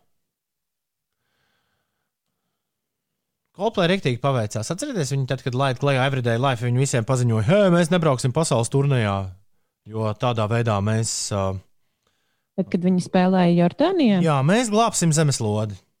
Netērēsim, netērēsim resursus un nebrauksim pasaules turnīrā, tāpēc nospēlēsim koncertu online Jordānijā. Uh, nu, nu, lūk, no Everyday Life Japānas izdevuma viņi ir atraduši vienu dziesmu, kas nebija mums visiem pārējiem zinām un pieejama. Un, uh, jā, mēs šo dziesmu nereiz neesam noklausījušies. 8,36 minūtes 3. 13. janvārī man šķiet, ir īstais brīdis. Dziesma vēl nav nu, teiksim, tā, mēnesi veca, kopš tā ir. Nav pagājis mēnesis, kopš tā visur ir pieejama. Man liekas, ir īstais brīdis to paklausīties. Coldplay un Flags. Tavā rīta radio. Labrīt! Hmm, Travis atkal atpakaļ modē. Coldplay un Flags 8,40 minūtēs. Šeit piecēlē. Kā sauc uh, kā, kā sauc Foo Fighter Kedas? Raksta rieksts Food Fighters. Oh, Diez viņš pats to ir iedomājies. Uh, Devs Grols. Jā. Aizrakstu viņam Instagram. Devs Grols varētu būt viens no tiem cilvēkiem, kurš uh, pats lasa, ko cilvēki viņam raksta Instagram. Bet varbūt tā arī nav. 8,41 minūte ir pareizais laiks. Ines, kas notiek? Šodien no pulksten 6 vakarā līdz pusaustoņiem vakarā tiešsaistē varēs vērot atmiņu pasākumu, pieminot 1991. gada barikāžu notikumus Zaķu salā. Tiešraidi varēs skatīties LSM.CLV, kā arī barikādas.CLV. Notiks arī konference, piemiņas pasākumi, būs arī citviet kocēnos, piemēram, ne tikai Rīgā. Un vēl ik viens tiek aicināts šodien pievienoties akcijai Iededz Guni, pieminot 1991. gada barikādas, ies, iestājoties tumsai, iededzot uguni, jeb šo svecīti logā vai arī uguns, kuru savā privātu mājas pagalmā, kur nu noteikumi to atļauj. Latvijas biatlonisti Andrejs Rasturgujevs, Edgars Mise un Aleksandrs Patrijuks šodien pasaules kausa sastajā posmā Oberhofā aizvadīs sprinta sacensības. Tās sāksies pulksten pusčetros pēcpusdienā pēc Latvijas laika, un tās varēs skatīties arī Latvijas televīzijas septītajā kanālā. Latvijas valsts ceļu kartē izskatās, ka Latvijas pusē ir diezgan labi notīrīti ceļi. Tur Daugopils apkaimē un arī Rēzeknes Lūdas apkaimē izskatās, ka viss ir.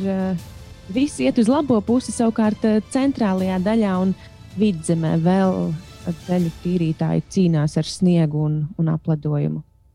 8,42. Tā doma par svecītēm šovakar tā ir ļoti laba. Un, un, un ļoti ceru, ka daudzi to sadzirdēs.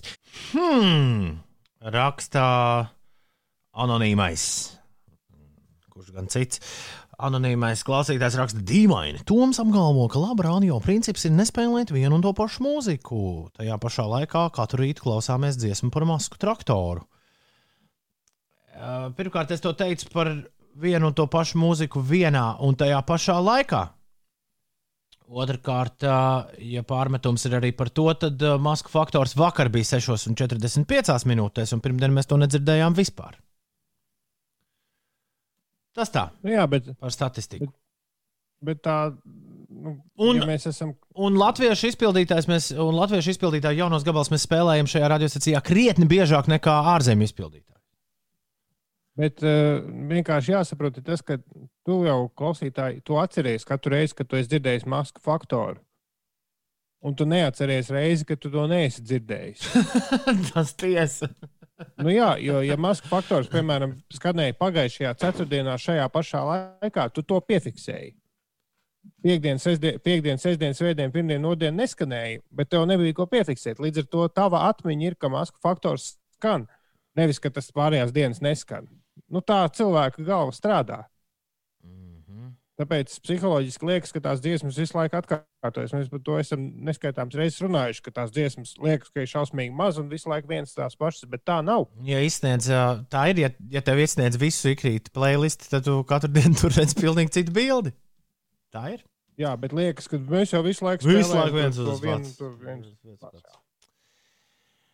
Ticiet man, mēs, mēs esam tam izgājuši cauri paši, jo arī mēs ar Inesu esam ik pa laikam teikuši, šī tā dziesma skan tik bieži. Un tad atver datoru un paskaties, ah, nav gan. Ast- Jā. 8 un 52 ir trešdiena, un trešdienās man patīk teikt. Labrīt, labrīt, labrīt, labrīt, labrīt, labrīt, labrīt, labrīt, labrīt, labrīt. Ko? Tu teici trešdien. Trešdiena? Neteici tre- piekdienu. Es neteicu, pie... Nē, es neteicu Man vakar piekdienu. likās, ka ir piekdiena. Nē, nē, nē, nē, nē. Nav piekdiena. Ir normālā trešdiena. Un raidījumā, kur sauc pieci rīti, ir pienācis brīdis, kad skanēs interesantās ziņas. Kaut kas interesants beidzot. Mūziķiem mūsdienās ir pamatīgi jānopūlas, lai kaut kā atšķirtos no visas pārējās pasaules. Jo internetā taču viss ir vienādi. Un Zēns Māliks, kurš reiz bija populārās grupas One Direction dar dalībnieks, lai popularizētu savu jauno albumu, ir ķēries pie 90. gadu metodēm. Īpašas telefona līnijas, jeb hotline. Interesanti, ka apvienotajā karalistē 90. gados bija tādi telefoni, kuros varēja klausīties mūziku. Tagad katrs, kurš tu piezvani, un, jā, tu piezvani uz to telefonu, un tur skan, uh, parasti esot skanējis uz, uz rīņķa kaut kādas, nu, apmēram viens disks, pats met dziesmas, un tu nezini, kuru skanēs tajā brīdī, kad tu piezvani. Bet tas kvalitāte ir tāda kā telefona zvanam, bet bija cilvēki, kas to lietoja. Tu uz mazu mirkli piezvani, un droši vien par to bija jāmaksā kaut kāda nauda. Jā, jā, jā. jā. Tagad katrs, kurš šādi varētu ulu taisīt radiostaciju. šis, šis izklausās pēc lieliska partizānu radio. Iedomājieties, ja Ines. 5 rīta pieejama tikai 9, numurā 950, 50. no rīta tev jāuzgriež un jāuz, jāuzslēdz telefons uz skaļo.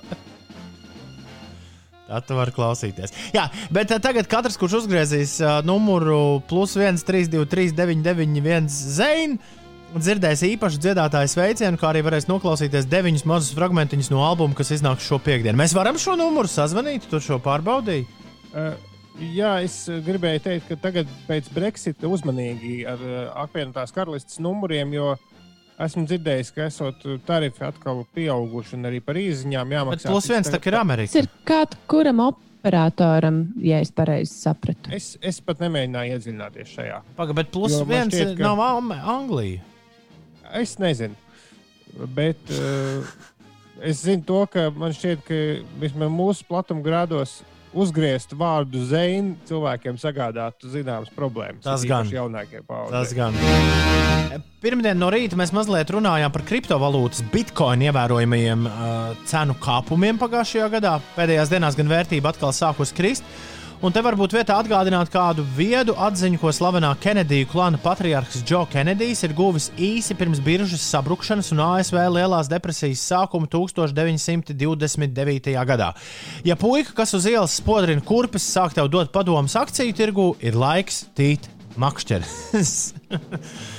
Taču daudz, kas pie bitkoiniņiem tika pirms vairākiem gadiem, tagad nopelnījuši milzu naudu, un kā izrādās, ievērojama daļa jauno miljonāru pie nopelnītā vienkārši netiek klāta.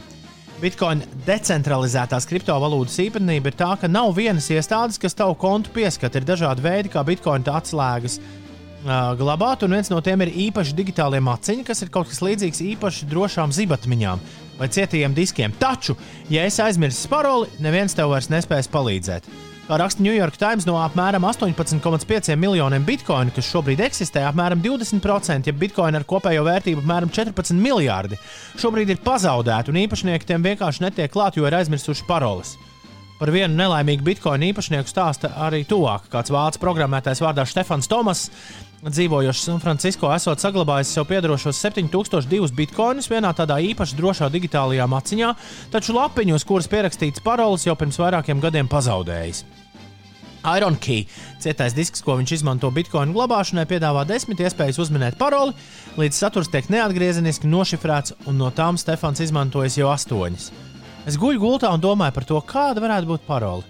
Bet man ir tikai divas iespējas palikušas to atcerēties. Programmētājs programmētāja izmisumu var saprast, jo pēc šī brīža kursa viņa bitkoina vērtība ir 234,5 miljonu, miljonu dolāru. Skaisti. Viņš ir strunīgs programmētājs, ja viņš šādi ja viņš nevar paroli. Nē, To starp citu, tad, kad es arī tur grāmatījos, tas bija viens no ieteikumiem, ka visdrošākais ir ar roku rakstīta lapiņa, kur tu noglabā kādā sev zināmā vietā, bet nu, tās lapiņas var pazust. Savukārt, kāds cits uzņēmējs, kurš savā laikā sarācis vairākus tūkstošus bitkoinu un arī netiek klāt, jo pazaudēts paroles, stāsta, ka savus krājumus, kas atrodas vairākos cietajos diskos, ielicis hermetiskos maisiņos un nobāzis tālāk no acīm, lai nebojā garstāvokli. Iedomājies, kā tu justos, ja tajā flashotmiņā uz tavu galda būtu 200 miljonu dolāru, bet tu tai klāt netiec. Nu, nekādīgi. Ai. Nu, un kas, liekas, prātā var un sajust. kas ar Trumpa sienu Meksikas pierobežā? Nu, viņi mēģina tur paspēt kaut kādus pēdējos darbus, līdz Trumpa termiņa beigām pabeigts. Protams, ka visas, visa robeža nav apsienota. Bet interesantākais ir tas, ka dažos kalnainākajos apvidos, kur viņi sienu nepaspēs uzbūvēt, tā vietā viņi ir paspējuši uzbūvēt ļoti foršus ceļus, nu, lai tā tehnika sienas būvēšanai tiktu klāta tur. À. Tā kā līdz ar pa to arī ceļiem- emigranti varēs, eh, imigranti varēs ļoti labi pārvietoties pa viņu. Jā, tagad eh, šīs sienas būvniecības darba rezultātā ir daudz vieglāk šķērsot Meksikas robežu ne, iepriekš nepieejamās Tur, vietās. kur nav sienas, jā, tur būs jaunie robežu ķērsošanas punkti. Jā, jā, tur kalnos ir tādi ceļi sabūvēti un viss kaut kas sarakts un tiltiņi un tā. Jā, jā. Nu, malacis.